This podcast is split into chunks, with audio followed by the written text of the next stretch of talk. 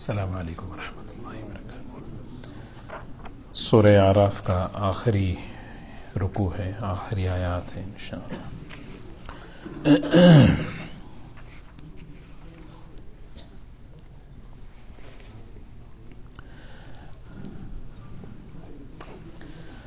أعوذ بالله من الشيطان الرجيم.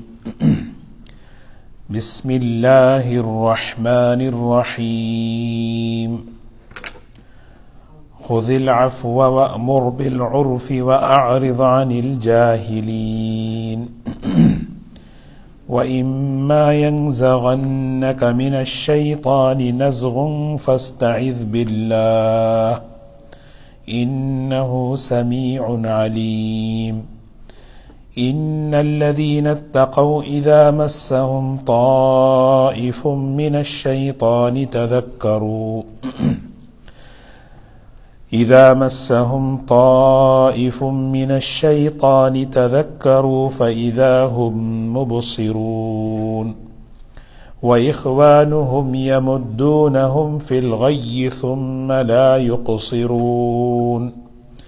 وإذا لم تأتهم بآية قالوا لولا اجتبيتها قل إنما أتبع ما يوحى إلي من ربي هذا بصائر من ربكم وهدى ورحمة لقوم يؤمنون وإذا قرئ القرآن فاستمعوا له وأنصتوا لعلكم ترحمون واذكر ربك في نفسك تضرعا وخيفة ودون الجهر من القول بالغدو والآصال ولا تكن من الغافلين صدق الله العظيم. سورہ آراف جو الحمدللہ شروع ہوئی تھی، آج ختم ہو رہی ہے۔ اور صورتوں کے آخر میں اللہ تبارک و تعالی بڑے جامع انداز میں نصیحتیں فرماتے ہیں۔ گویا پوری صورت کی جو سمری ہے، پوری صورت کا جو خلاصہ ہے وہ ہے۔ بڑی بہترین نصیحت ہے، بہت بہترین سبق ہے۔ تین باتیں ہیں جو ہم اپنی زندگی کا حصہ بنا لیں۔ ہم اپنی زندگی کا اصول بنا لیں۔ تین باتیں کہ جنا کہ میری زندگی کا یہ اصول ہے، میری زندگی کا یہ ڈسپلن ہے۔ آدمی ان تین باتوں سے اس کی دنیا بہت آسان ہو جاتی ہے۔ کیونکہ ہم سب لوگوں کے ساتھ مل کر رہتے ہیں۔ نبی کریم صلی اللہ علیہ وسلم کا تعلق جہاں اپنوں سے تھا، وہاں دشمنوں سے زیادہ تھا۔ اور ہم نے گزشتہ آیات میں پڑھی کہ اللہ کے رسول صلی اللہ علیہ وسلم کو کن کن تکلیفوں کا سامنا کرنا پڑا، کیسی کیسی باتیں آپ کو سننے کو ملی۔ لیکن کام کرنے والا وہی ہوگا جو ان باتوں کو اپنائے گا۔ دیکھیے، کیا بڑی آسان۔ خذ العف و امر بالعرف و عارف عن الجاہلین۔ بڑا آسان ترجمہ ہے۔ معافی کو عادت بنا لیجیے۔ معاف کرنے کو عادت بنا لیں عادت کا مطلب یہ ہے کہ ایک دو مرتبہ نہیں، بس معافی مزاج میں آ جائے۔ گھر والوں سے، دوستوں سے، باہر والوں سے، بس سب کو معاف کرنا ہے مزاج۔ پکڑ دھکڑ نہیں چھوٹی چھوٹی باتوں پر پکڑنا، سوال کرنا، تشدد، سختی خود العف یہاں خس کے معنی ہیں اپنی اس مزاج کو بنا، کیونکہ آپ کا لوگوں کے ساتھ جو برتاؤ ہے، وہ برتاؤ آپ کا یہ ہونا چاہیے۔ مفسرین نے لکھا ہے، بڑی جامع ترین آیت ہے یہ قرآن پاک کی اخلاق کے بارے میں۔ اخلاق کے بارے میں بڑی جامع ترین بات ہے۔ خود العف. وامر بالعرف. دوسری نصیحت، اچھی باتیں کہتے رہیے۔ باتیں بتاتے رہنا چاہیے۔ بچوں کو گھروں میں، آپس میں نیکی کی باتوں کا حکم کرتے رہے۔ وہ عارض عنل جاہلین جاہلوں کے ساتھ اعراض کیجیے اگنور کیجیے ان کی باتوں کو ذہن پر مت لیں انہیں تین بڑے مختصر نصیحتیں ہیں۔ اور بڑے نبی کریم صلی اللہ علیہ وسلم جب یہ آیت اتری، جبرائیل علیہ السلاۃ والسلام سے پوچھا، یہ تین جو نصیحتیں ہیں، اس کا کیا مطلب ہے؟ حضرت جبرائیل علیہ السلام اللہ تعالیٰ کے پاس تشریف لے گئے اور وہاں جا کر اللہ تعالیٰ نے بتایا، نبی سے فرمائیے کہ یہ تین نصیحتیں ہیں۔ سل من قطعت واف من ظلمک وحسن من اساء الیک۔ سل من قطعت جو تم سے کٹے اس سے جوڑو۔ رشتہ جوڑتے رہو اور زیادتی کرے تو معاف کرتے رہو اور جو تمہارا برا چاہے اس کے ساتھ اچھائی کا معاملہ کرو۔ بڑی انہیں کہہ دینا آسان، ترجمہ بھی آسان، لیکن پریکٹیکل بہت ہاں، پریکٹیکل جو ہے نا، اگر دیکھیں عملی طور پر اللہ تعالیٰ اس کو لائے۔ قیامت کے دن اعلان ہوگا۔ حدیث میں آتا ہے کہ اعلان ہوگا۔ کہاں ہیں وہ لوگ جن کی ذمہ داری جنت میں داخل کرنے کی اللہ نے لی ہے؟ اعلان ہوگا اسے۔ جن کی ذمہ داری جنت میں داخل کرنے کی اللہ نے لی ہے۔ پورے حشر والے پریشان بھی اللہ نے ذمہ داری کن کی لی ہے؟ تو ایک بڑی جماعت اٹھے گی، جنت میں چلی جائے گی۔ وہ کون لوگ ہوں گے؟ وہ وہ ہوں گے جو دنیا میں اللہ کے لیے ایک دوسرے کو معاف کرتے ہیں۔ جب کوئی شخص کسی کو معاف کرتا ہے، اللہ تعالیٰ اس کی ذمہ داری لے لیتے ہیں۔ دیکھو، اگر یہ چیز اگر آ جائے نا، ہمارے گھروں کے آپس کے کئی مسائل حل ہو جائیں گے۔ مسائل حل ہو جائیں گے۔ اسی لیے اگلی آیت میں جو ہے نا اما ین زغن کا مین شیطان نزغن فستعذ باللہ اخلاق کی جہاں بات ہوتی ہے، فوراً اللہ تبارک و تعالی شیطان سے پناہ مانگنے کی بات کرتے ہیں۔ کیونکہ اخلاق کی سب سے بڑی رکاوٹ تکبر ہے۔ جس آدمی میں تکبر ہوگا، اس میں اخلاق نہیں آ سکتے۔ جو آدمی متکبر ہوتا ہے، وہ کبھی معاف نہیں کرتا۔ میں کیوں معاف کروں؟ میں کیوں معاف کروں؟ اور تکبر کا امام شیطان ہے۔ اور اخلاق کے امام حضور اکرم صلی اللہ علیہ وسلم ان کا خلق عظیم اخلاق کے اونچے درجے پہ اللہ نے رکھا۔ اور اخلاق جو بنیاد ہے وہ توازو پر ہے۔ جتنا آپ کے اندر توازو تھی، اتنا کسی میں توازو نہیں تھی۔ تو توازو پھر وہاں سے اخلاق اور اخلاق کے مظاہرے ہو رہے تھے۔ حضور صلی اللہ علیہ وسلم کی پوری سیرت عیسائیت کی روشنی میں کہ آپ نے کیسے کیسے معاف کیا، اپنوں کو معاف کیا، دشمنوں کو معاف کیا، مکے والوں کو معاف کیا، پوری قدرت تھی بدلہ لینے کی معاف کیا۔ آپ نے پریکٹیکل کیا۔ خود ہم سوچیں میں اپنی زندگی میں کتنی مرتبہ کتنے لوگوں کو معاف کیا خود العف تین آیتیں ہیں۔ علامہ ابن کثیر رحمۃ اللہ علیہ فرماتے ہیں جو اخلاق کے بارے میں قرآن پاک میں بڑی جامع ہیں۔ اور ان تینوں آیتوں کے بعد اللہ تبارک و تعالی شیطان کے وسوسوں سے پناہ مانگنے کی اللہ نے ہمیں تاکید کی کیونکہ شیطان کیا ہے؟ فوراً وسوسہ ڈالتا ہے۔ ادفع بالتي هي احسن فاذا الذي بينك وبينه عداوه كانه ولي حميم صبروا وما يلقاها الا ذو حظ واما ينزغنك من الشيطان. ایک جگہ فرمایا، ادفع بالتي هي احسن احسن السيئه نحن اعلم بما يصفون وقر ربی اعوذ بک من حمزات الشیاطین اور یہ ایک آیت ہے. یعنی اس آیت کو لکھ کے رکھ لینا چاہیے. اس آیت کو جو ہے نا خود العف میرا برتاؤ کیسا ہو لوگوں کے ساتھ؟ معافی کو اپنی عادت بنا لے۔ درگزر کرنے کو اپنی عادت بنا لے۔ مزاج بن جائے۔ کتنی مرتبہ معاف کروں؟ ایک غلام کو سوال کیا، کسی صحابی نے حضور اکرم صلی اللہ علیہ وسلم سے۔ آپ نے فرمایا، ستر مرتبہ معاف کرو۔ اور معاف وہی کرے گا جس کے دل میں یقین ہو، اللہ مجھے معاف کرنا ہے۔ اللہ سے مجھے معافی لینی ہے۔ دوسری جو بات ہے، وَأْمُرْ بِالْعُرْف۔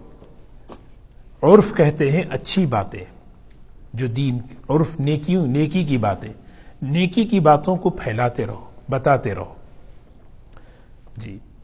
اگر ہم معاف نہیں کریں گے، حضور اکرم صلی اللہ علیہ وسلم دیکھیے، آپ نے معاف کیا، آپ نے دین کا کام کیا۔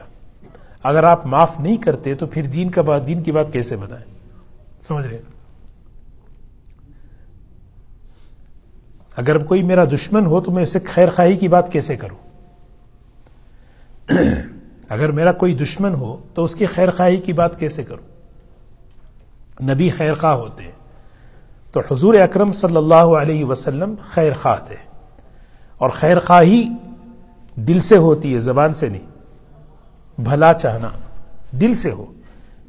ایک آدمی دل میں سامنے کے بارے میں دشمنی رکھ لے اور پھر دین کی بات کرے۔ یہ مزاج نہیں ہے دین کا۔ الدین النصیحہ، دین خیر خواہی کا نام ہے۔ النصیحہ زبان سے نہیں ہے، بلکہ دل سے ہے۔ بھائی میں بھلا چاہوں۔ تو آدمی جب دل سے کسی کی بھلائی چاہتا ہے، تو پھر آدمی دین کی بات کرتا ہے۔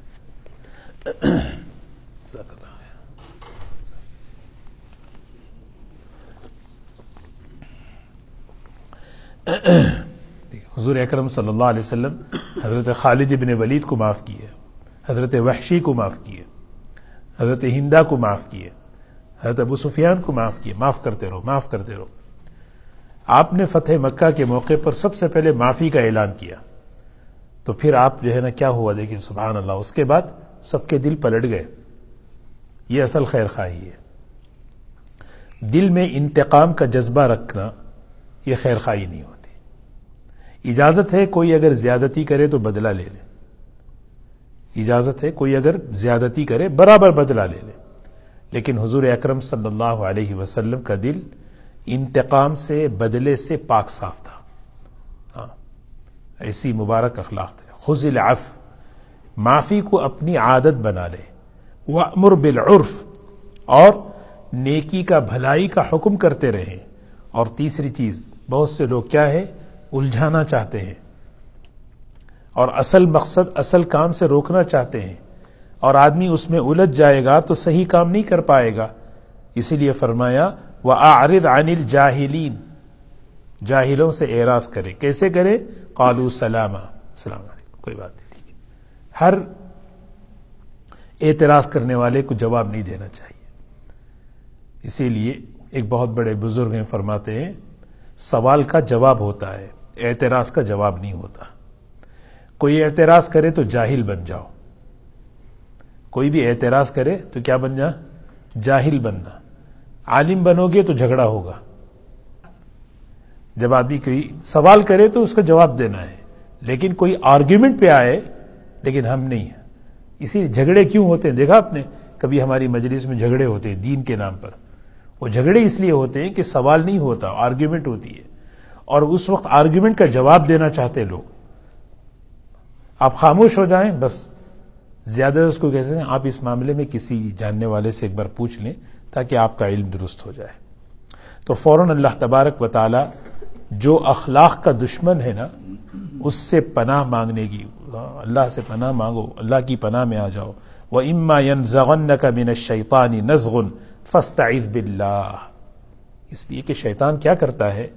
وسوسہ ڈالتا ہے۔ ارے معاف کرو گے تو کیا ہو؟ تمہاری عزت کم ہو جائے گی۔ معاف کرو گے تو عزت کم ہو جائے گی۔ کیا کہیں گے؟ اور تم بڑے ہو کے چھوٹے سے معافی مانگتے ہو؟ یہ کیسے؟ تم یہ ہو کہ معافی مانگتے ہو؟ یہ وسوسہ ہے شیطان کا۔ تو ایسا وسوسہ اگر آئے، کیا کرنا چاہیے؟ فستعذ باللہ۔ اللہ تعالیٰ سے فوراً اللہ کی پناہ میں آنا چاہیے۔ اعوذ باللہ من الشیطان الرجیم۔ اور اس قسم کے جتنے بھی وسوسے ہیں، کوئی بھی وسوسہ ہو، یہ سارے وسوسوں کا علاج یہی ہے۔ صحابہ آ کر کہتے تھے، یا رسول اللہ صلی اللہ علیہ وسلم، دلوں میں بڑے خطرناک وسوسے آتے ہیں۔ ایسے کہ بعض مرتبہ زبان پہ لانا ہمیں ہم برا سمجھتے ہیں۔ فرمایا، یہ ایمان کی علامت ہے۔ اور اگر ایسے وسوسے آئے تو ایک کام کرو، کیا کرو؟ آمن تو بلّہ و رسولی. کلمہ پڑھ لو. لا الہ الا اللہ. اشد اللہ الہ الا اللہ. جی. فستعذ باللہ. اعوذ باللہ من الشیطان الرجیم. سور اخلاص پڑھ لینا. کبھی ایمانیات پر جو ہے نا شبہات ڈالتا ہے. وسوسے ڈالتا ہے. اسی لیے سور اخلاص کے بڑے فضائل ہیں. سور اخلاص کا اہتمام، کلمے کا اہتمام. آمن تو بلّہ و رسول ہی میں ایمان لایا۔ ہوتا بیٹھے بیٹھے اس وسوسا ہے۔ قرآن پڑھ رہے ہیں، کوئی ترجمے پہ وسوسا دو بڑی یعنی چھپی ہوئی طاقتیں ہیں۔ ان کا کام یہ ہے کہ وہ جو ہے نا، کیا کرتے ہیں، وہ ایک شیطان ہے، ایک فرشتہ ہے۔ فرشتہ خیر کی بات، نظر نہیں آ رہا فرشتہ۔ لیکن اس کا کام یہ ہے کہ وہ خیر کی باتیں ڈالتا رہتا ہے۔ اس کو الہام کہتے ہیں۔ نماز کو جانا ہے۔ نماز کے بعد دو رکعت نفل پڑھ لیں گے۔ آج سورہ کہف پڑھ لیں گے۔ پھر درو شریف پڑھ لیں گے۔ ایسے خیالات آتے رہتے یہ کون؟ یہ فرشتہ ڈالتا ہے۔ اس کا کام ہی وہ ہے۔ اور ایک ہے شیطان۔ وہ شیطان جو ہے وہ بھی وسوسہ ڈالتا ہے۔ یہ کر لیں گے، وہ کر لیں گے۔ ٹھیک ہے، کیا کرنا ہے؟ ہر ایک کو اپنے اپنے طریقے سے کرتا ہے۔ اگر اس طرح کے کوئی وسوسے اگر آ جائیں، تو کیا کرے اعوذ باللہ من الشیطان الرجیم۔ بڑا آسان۔ سورہ اخلاص تین مرتبہ پڑھ لیں۔ بچوں کو بھی سکھا دیں۔ کبھی ایمان کے بارے میں، اسلام کے بارے میں، کبھی کوئی شبہ، کوئی ڈاؤٹ آ جائے، سمجھنے کی زیادہ کوشش مت کرو۔ بس سورہ اخلاص پڑھ لو۔ قل هو اللہ احد، اللہ الصمد، لم یلد ولم یولد ولم یکن له کفوا احد۔ اعوذ باللہ من الشیطان الرجیم۔ ہاں اور پھر کیا کرنا ہے؟ پازیٹو کام میں لگ جانا ہے، لے کے نہیں بیٹھنا ہے اس کو۔ پازیٹو کام، کوئی کام ہے؟ کرنے۔ کوئی بھی کام ہو، کرنا شروع کر دے۔ اس میں نہیں ہونا ہے۔ حضور اکرم صلی اللہ علیہ وسلم یہ بتائے، علاج بتائے۔ اور بھی جو ہے کسی کو وسوسے آتے ہیں، تین مرتبہ جو ہے بائیں طرف ٹھتکار دو۔ اعوذ باللہ من حمزی و نفسی و نفقی اے اللہ، میں اس کے شر سے پناہ مانگتا ہوں۔ اللہ ہم سب کی حفاظت فرمائے۔ تو یہ دو باتیں ہیں، اخلاق اور پھر شیطان۔ اور پھر آگے فرمایا وہ اخوان یا مدون فل ثم لا يقصرون دیکھیے، شیطان کے بھائی ہیں، اخوان اخوان الشیاطین۔ بعض نظر آ رہے ہیں، بعض نظر نہیں آتے۔ اخوان، شیطان کے بھائی ہیں۔ یہ ان کا کام کیا ہے؟ وہ کھینچتے ہیں۔ یمدونہم فی الغی۔ یمدونہم فی الغی۔ وہ گمراہی کی طرف کھینچتے ہیں۔ ان کا کام ہی یہ ہے۔ آج کل تو بہت سے ہیں اخوان الشیاطین۔ یہ جتنا سوشل میڈیا بھرا ہوا ہے، یہ سب کیا ہے؟ کھینچ رہے ہیں آؤ بھائی، آؤ۔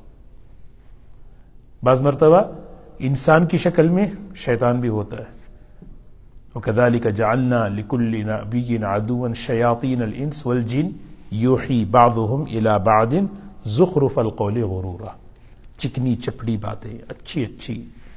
الفاظ بڑے اچھے، لہجہ بڑا اچھا اور ایسے باتوں کے ذریعے سے کیا ہے؟ ڈیکوریٹ کر کے جو ہے نا، دماغ کو گھما دیتے ہیں۔ یہ اخوان ہوں، یہ پھیلے ہوئے ہیں۔ ان کا مقصد یہ ہے کہ کسی طرح ان کو گمراہی میں لائیں، کسی کام کے نہ رہیں۔ یہ بلّہ تبارک و تعالی شیطان کی حرکت بتا رہے ہیں۔ حضور اکرم صلی اللہ علیہ وسلم پر اعتراض ہوا۔ نبیوں پر اعتراض کرتے تھے مشرقین ایک اعتراض یہ تھا کہ آپ واقعی اللہ کے نبی ہیں، تو ہماری منہ مانگی، ہم نے جو کہا وہ معجزہ کر کے بتائیے۔ وہ کیوں نہیں کر رہے آپ؟ حالانکہ حضور اکرم صلی اللہ علیہ وسلم بڑے بڑے معجزات بتائے آپ نے۔ لیکن مشرقین زب کہتے تھے، یہ کر کے بتاؤ، وہ کر کے بتاؤ، معجزہ نبیوں کے ساتھ ہوتا ہے۔ جیسے حضرت عیسیٰ علیہ السلاۃ والسلام کا معجزہ ہے، ان کے ساتھ معجزے تھے۔ تو نبیوں کو اللہ معجزے دیتے۔ تو مشرقین مکہ اس طرح کے معجزے پوچھتے تھے حضور صلی اللہ علیہ وسلم سے۔ وقال الدین وہ کہتے تھے، کیا کہتے تھے، لولا یکلمن اللہ او تین آیا اللہ ہم سے کیوں بات نہیں کرتا؟ آپ سے کیوں صرف کرتا؟ ہمارے سے کیوں نہیں بات کرتا؟ واقعی اگر اللہ ہے تو پھر نشانی کیوں نہیں اتار رہا ہے؟ تو یہ اعتراض، یہ ہر زمانے میں، یہ حضور اکرم صلی اللہ علیہ وسلم کو اللہ تبارک بتا رہا ہے یہ بتا رہے جس آدمی میں طلب ہوتی ہے، وہ معجزے کو پوچھتا نہیں۔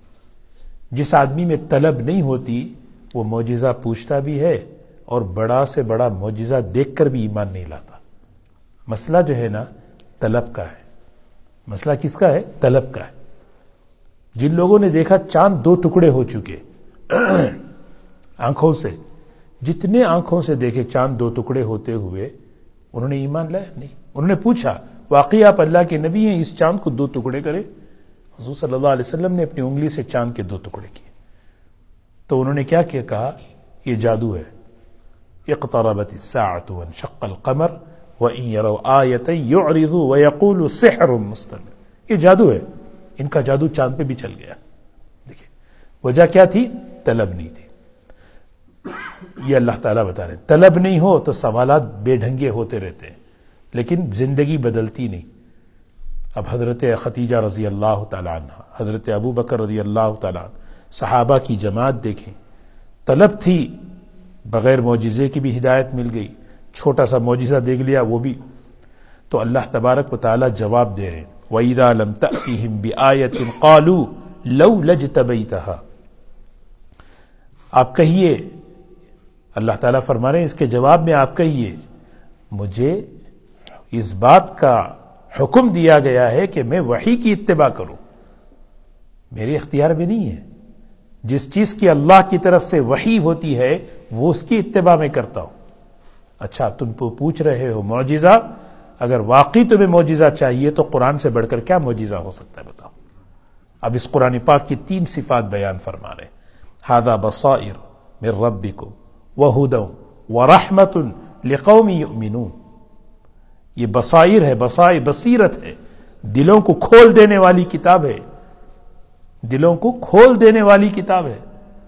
اگر واقعی تم اس کو بہت غور سے دیکھو گے تو تمہارا دل کیا ہو جائے گا؟ کھل جائے گا۔ بالکل دل جو ہے نا آدمی کھل جائے گا۔ بصیرت دل کی آنکھیں کھول دیتی۔ کھلی نہیں کھلی۔ قرآن پاک کی آیات سنتے تھے، دل کی آنکھیں کھل جاتی تھی۔ قرآن پاک کی آیات سنتے تھے، دل کی دنیا بدل جاتی تھی۔ یہ وہ قرآن پاک ہے۔ وہ ہدن ہے، یہ ہدایت ہے۔ اس کے اندر اللہ تعالیٰ نے ہدایت رکھی ہے۔ سب سے بڑا معجزہ تو یہ ہے۔ اور اللہ کی طرف سے رحمت ہی رحمت ہے اس کے اندر۔ اس کی تلاوت میں رحمت، اس پر عمل میں رحمت، اس کی ہر چیز میں رحمت ہے۔ اس قوم کے لیے، اس ان لوگوں کے لیے جو ایمان رکھتے جس کا ایمان ہی نہیں ہے، اس کے لیے تو کوئی بھی چیز نہیں ہے۔ اب پھر قرآن پاک کی تلاوت کا ادب بیان فرما رہے اللہ تعالیٰ کے ذکر کا ادب بیان فرما رہے کیا فرما رہے جب قرآن پاک کو پڑھو، قرآن پاک پڑھا جائے، تو اس کا ادب یہ ہے کہ اس کو جو ہے نا غور سے سنو۔ قرآن پاک کا کی جب تلاوت ہو، خاص طور پر یہ حکم ان لوگوں کے لیے ہے، قرآن پاک کی تلاوت ہو رہی ہو، سنانے کے لیے، اور سننے کے لیے بیٹھے ہیں، تب یہ حکم ہے۔ مثال کے طور پر طلبہ بیٹھ کے حفظ کر رہے ہیں، زور زور سے بیٹھ کے پڑھ رہے ہیں، ہے نہیں؟ اب گھر میں بھی بچے حفظ کرتے ہیں، قرآن پڑھ رہے ہیں، پڑھتے ہیں پڑھتے ہیں زور سے اب جب جت ڈیڑھ گھنٹہ سبق یاد کر رہے ہیں تو پورے گھر والے بیٹھ جائیں ان کے ساتھ۔ بھائی گھر میں قرآن سبق یاد ہو رہا ہے، دور یاد ہو رہا ہے، تو سب جو ہے قرآن کی جو ہے نا سننا ہے۔ نہیں، کیونکہ وہ بچہ پڑھ رہا ہے اپنے یاد کرنے کے لیے، سمجھ رہے نا؟ تو یہ یہ ذہن میں رکھنا ہے کہ ادب یہ ہاں ادب کا تقاضا یہ ہے کہ وہاں سے ہٹے، اپنا کام کرے۔ قرآن پاک کی تلاوت ہو رہی ہے، قرآن پڑھ رہے ہیں جسے نماز میں پڑھا جاتا ہے، خطبے میں پڑھا جاتا ہے، غور سے سننا ہے۔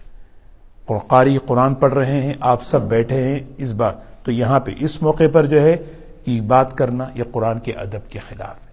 فستمعو استماع کہتے ہیں، بالکل توجہ سے سنو۔ فستمعو وانصتو، اور خاموش ہو جاؤ۔ ہاں مفسرین فرماتے ہیں، یہ خطبے سے متعلق بھی آیت ہے۔ کیونکہ خطبے میں اللہ کا کلام پڑھا جاتا ہے۔ اسی لیے خطبہ جب شروع ہو تو اس موقع پر کسی قسم کی بات چیت بھی نہیں کرنا ہے۔ یہ قرآن پاک کے کا ادب بیان کرنے اللہ تبارک بتا رہا لعلکم ترحمون۔ ہاں امید ہے کہ تم پر اللہ کی رحمت متوجہ ہو۔ تو قرآن پاک کا ادب ہے۔ اس کا ادب یہ ہے، جب پڑھا جائے تو غور سے سننا اور خاموش ہونا۔ ہاں، اور اگر کوئی ان مثال کے طور پر مسجد کا ماحول ہے۔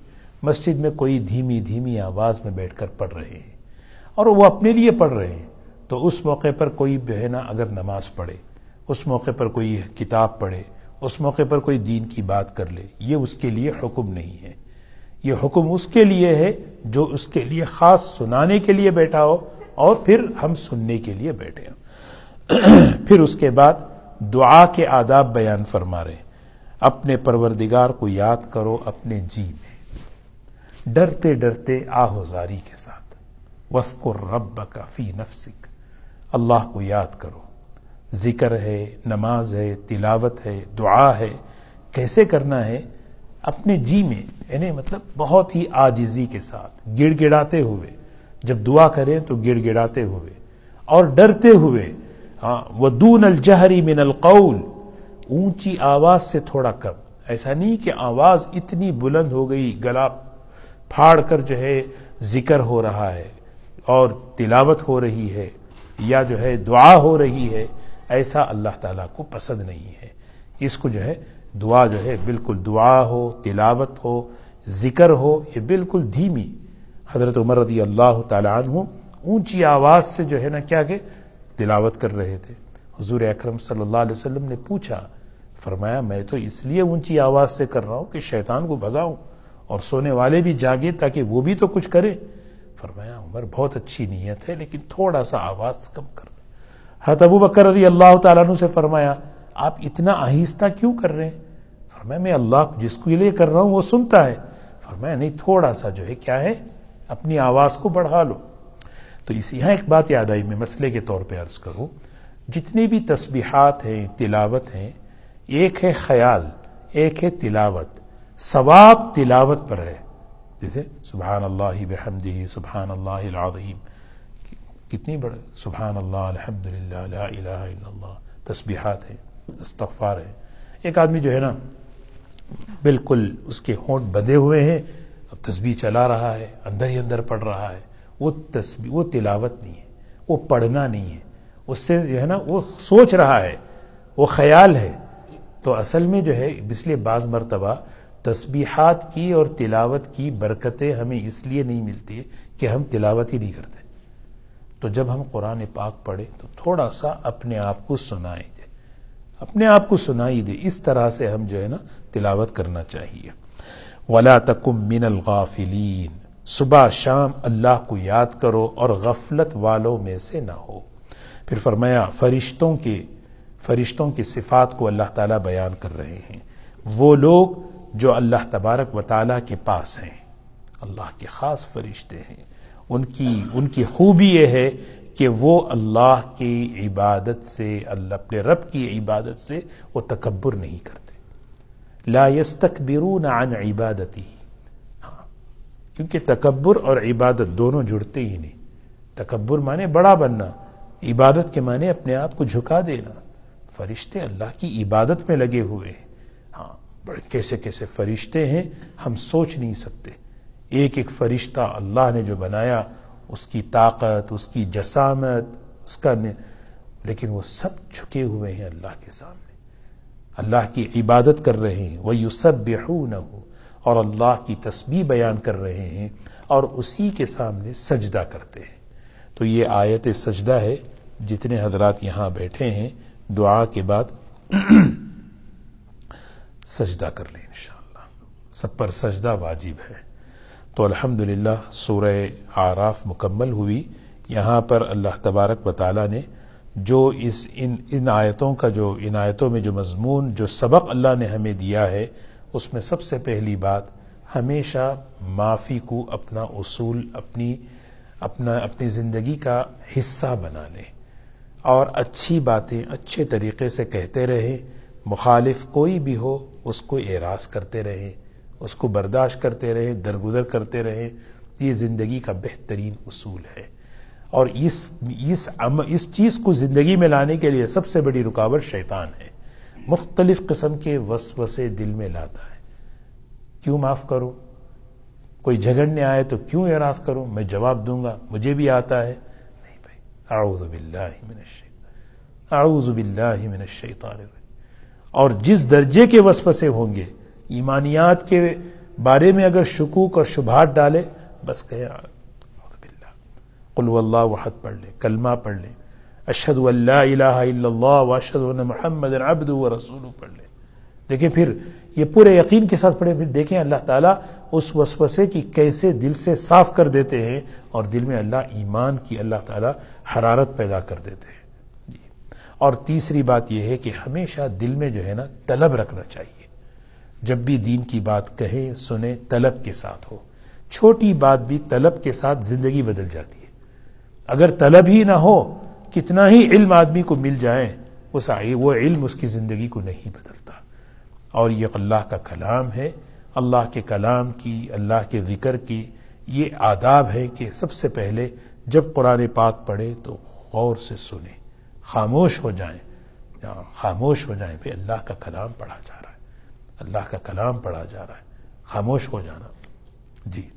اور پھر اس کے ساتھ جب اللہ کا ذکر کریں، دعا کریں، ہم دعا کے اندر، یہاں پہ دعاؤں کے آداب قرآن پاک میں ہیں۔ یہاں جو ہے دو تین ادب بیان کر رہے ہیں ایک ادب یہ ہے آجزی کے ساتھ گڑ گڑاتے ہوئے تو آواز تھوڑی سی اونچی ہو زیادہ بلند نہ ہو اس طرح سے اللہ کو پکاریں اللہ کو یاد کریں اللہ تبارک و تعالی ہم سب کو عمل کی توفیق نصیب فرمائیں سبحان اللہ بحمدہ، سبحانک اللہم بحمدک نشهد أن لا إله إلا أنت نستغفرك ونتوب إليك اللهم صل على سيدنا محمد وعلى آل سيدنا محمد مبارك وسلم. ربنا آتنا في الدنيا حسنة وفي الآخرة حسنة وقنا عذاب النار. ربنا هب لنا من أزواجنا وذرياتنا قرة أعين وجعلنا للمتقين إماما. رب اغفر وارحم وأنت خير الراحمين. برحمتك يا أرحم الراحمين. الحمد لله.